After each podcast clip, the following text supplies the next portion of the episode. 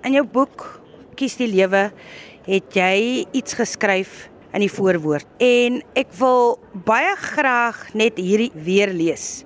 Vir my suster Jocelyn Rochelle Swarts wat my gewys het oor hoe om depressie nooit my permanente woonadres te maak nie. Jy depressie doodgewoon en normaal laat lyk. Al het jy deur die diep en donker waters daarvan geloop, het jy nooit jou lag verloor nie.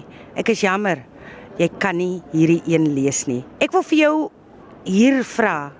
Hoe het jy dit reggekry om depressie nie jou permanente woonadres te maak nie?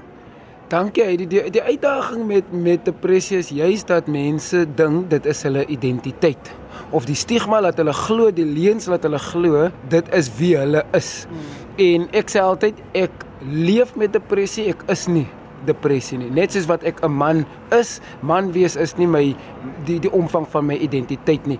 Ons moet mense help om by daai plek te kom dat sê depressie is deel van wie ek is en ek gaan daarmee saam leef eerder as dit is nou wie ek is en nou is ek is oorgegee aan die lot van depressie en daar is 'n verskil vir my in die twee. Baie mense weet van hierdie boek wat jy geskryf het, Leer dans in depressie. Mense het jou op televisie gesien. Wie is Iwer? Waar het jy groot geword? Jy's mos 'n man van Grabouw eintlik, né? Nee? Is ek reg? Ek is ek is 'n man by die gaatjie, ehm um, Grabouw, daar in die rooi stofstrate van Grabouw groot geword. Nie die Elgin prentjie mooi strate nie, die regte rou stofstrate van Grabouw.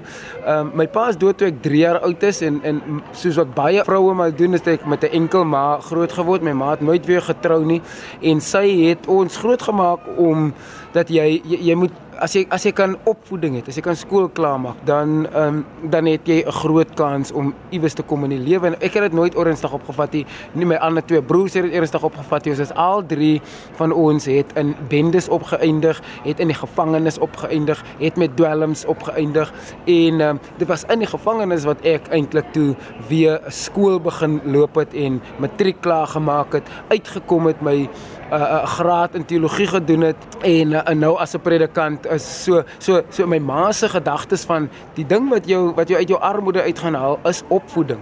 Daai ding het my bygebly nog my hele lewe lank. Voel jy dat jy 'n uh, ekstra sagte plekkie het vir veral die jeug, vir jong mense?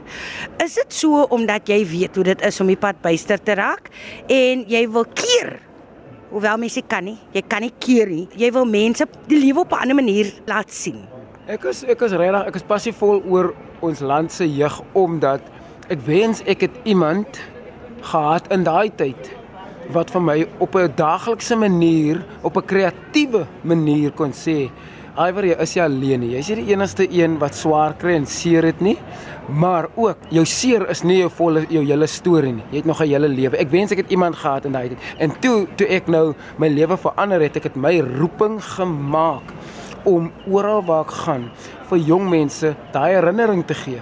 Waardeur jy gaan is nie als van wie jy is nie. En um, omdat ons jong mense voel hulle is alleen, niemand luister na hulle nie, niemand verstaan hulle nie, kinders moet gesien word en nie gehoor word nie, het ek vir myself gekies, ek het dit vir myself toegeëien om 'n voice for the youth um te wees uh, in ons land sodat veral veral jong mense wat uit swaar omstandighede uitkom, jong mense wat deur arm omstandighede uitkom om vir hulle te sê as ek dit kan doen om bode te styg, glo ek met alles in my dis moontlik vir vir jou.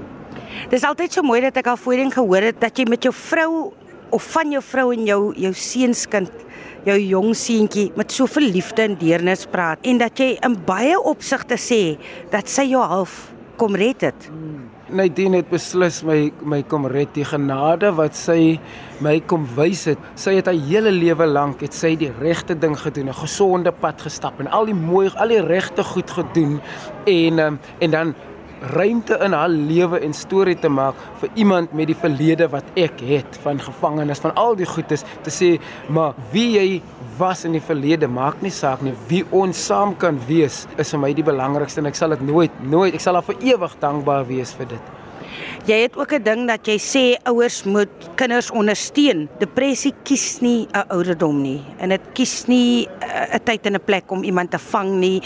Jy kan wie ook al wees. Jy het altyd daai ding wat jy sê. Voel jy nie dat jy half jou kind jou jong seun ekstra beskerming wil bied nie. En dan as jy nie bang dan as jy dit doen, dan is dit so half dat jy jy oorbeskerming kan raak oor 'n jong seun. Daar's baie ouers wat daai roete gaan met met goeie redes om oorbeskerming te raak, maar ons kan nie ons kinders veilig hou van van wat daar buite gebeur nie. Ons kan nie kinders veilig hou van al die al die trauma nie, van die van die uh, versoekings nie en veral ons kan nie ons kinders veilig hou van angs en depressie nie. Dit is die globaal, wêreldwyd is dit um die grootste ding waardeur jong mense vandag gaan is angs en depressie. Um ek wil vir Luther groot maak met twee goed. Hy moet alles wat hy moontlik kan voel, moet hy kan voel. Want dis omdat jong mense se gevoelens onderdruk word omdat hulle baie het om voordankbaar te wees dat jong mense oorslaan na depressie toe. Want nou mag ek nie hartseer voel nie want my ons bly in 'n 3 miljoen rand huis. Nou mag ek nie hartseer voel nie want ten minste het ek nog my ma en my pa en hulle albei werk en hulle kry goeie salarisse. Maar om vir jong mense te sê ongeag wat jou lewensomstandighede is, jou eerlike gevoelens maak saak. En dis hoekom hulle ander outlets vind vir hulle gevoelens. Hulle sny hulle self, hulle gaan na dwelms toe en ons moet by die huis mense moet vir moet ons vir hulle veilige environment skep waar hulle gevoelens, hulle eerlikste gevoelens, ehm um, dit maak saak en dit tel. Nou met Luther my seentjie wil ek hom groot maak, hy moet kan voel. Eerstens, al die gevoelens moet hy kan voel en hy moet kan eerlik wees daaroor. Die tweede ding is om vir hom te kan onderskei wat is die waarheid versus wat is jou gevoelens? Want so eerlik soos ons gevoelens is, dis reël, maar dis nie die waarheid soms nie. Ons gevoelens kan ons betry. Ons voel gevoelens kan vir ons lieg. So jou gevoelens is eerlik. Ons wil ruimte maak vir dit. Maar onthou net, jou gevoelens is nie altyd die waarheid nie. En ek wil vir hom leer om daai twee te kan vashou. Kom ons gesels gou 'n bietjie oor musiek of net uh, iets soos ontspanning. Wat doen iemand soos jy om te ontspan? Hoe voel jy oor die hele ding rondom musiekterapie? Ek dink musiek het my lewe al op verskeie kere gered. Agter in um kies die lewe het ek musiek vir die wilde blou dae. Dis 'n paar liedjies wat ek die meeste wanneer wanneer my depressie op my kom toesak, dan luister ek na een of almal. Dit is daai The Mask van Matt Mason. Die die beste en gaan nie almal noem nie, maar die beste een is van Skillet. Um Those Nights wat net gaan um Those Nights kept me alive. En dit praat net van ons was twee vriende wat se ouers beklei het en dit is in die donkerte gesit en TV kyk. En en daai geselsies het my aan die lewe gehou. En ek dink ons almal was al in hy donker put. It was better than going mad. From trying to solve all the problems we're going through.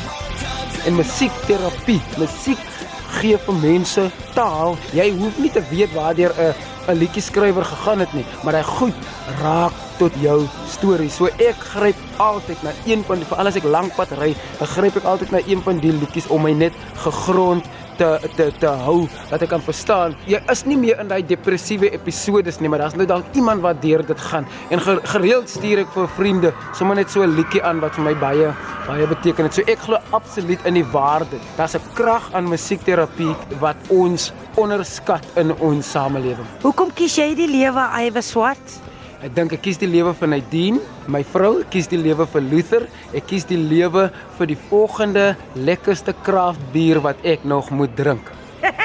Wat is jou drome vorentoe? Goed wat jy wil aanpak en as jy nou nie preek nie, dan weet ek jy dink aan al hierdie goeters. Ja. Wat broei? Ja, ons is nou besig met die barista uh, training um brother coffee uh, program om vir jong mense op te lei as baristas en dan as ek binnekort gaan ek twee twee TM'de vrylaat wat wat half sulke campaigns is leading up to um um World Suicide Prevention Day wat iewers in September is. Um die een T-shirt sê net bloot um um your story deserves a tomorrow en dis half 'n 'n kreet om te vir mense wat sukkel. Partykeer het ons nie die woorde om iemand te bemoedig nie, maar daai T-shirt wat jy dra wat vir iemand wat as hulle daar loop kan hulle net lees en sien jy sê maar my storie verdien om nog 'n môre te beleef. En in die ander uh, uh, gaan oor vir pappas uh, um, dat daar 'n goeie pappas is. Nie al die pappas het gaan brood koop nie. So daar is goeie pappas en die T-shirt sê net good dad vibes en daar is goeie goeie pappas. Nie almal van hulle is sleg nie. So ja, mense kan dit graag uh, support op die webwerf um youththefuture.org wense vir Lusa jou kind? My wens vir Luther is dat hy altyd alles sal voel um dat hy alles groot, alles extravagant, dat hy as hy hard moet praat, praat hy hard, as hy moet huil, moet hy huil, dat hy niks van sy gevoelens sal wegsteek nie. En dan die tweede wens is dat hy sal aanhou skryf aan die storie wat ek vir hom begin het om te skryf en dit is die teenoorgestelde van my van my verlede. Baie dankie vir jou tyd en sterkte vir jou op jou lewenspad vorentoe. Ek het 'n ding wat ek altyd sê, mag die voorspoed jou Iwe Swarts, mag die voorspoed jou verveel. Baie baie dankie. Dit is selfde vir jou. dankie. Blessings.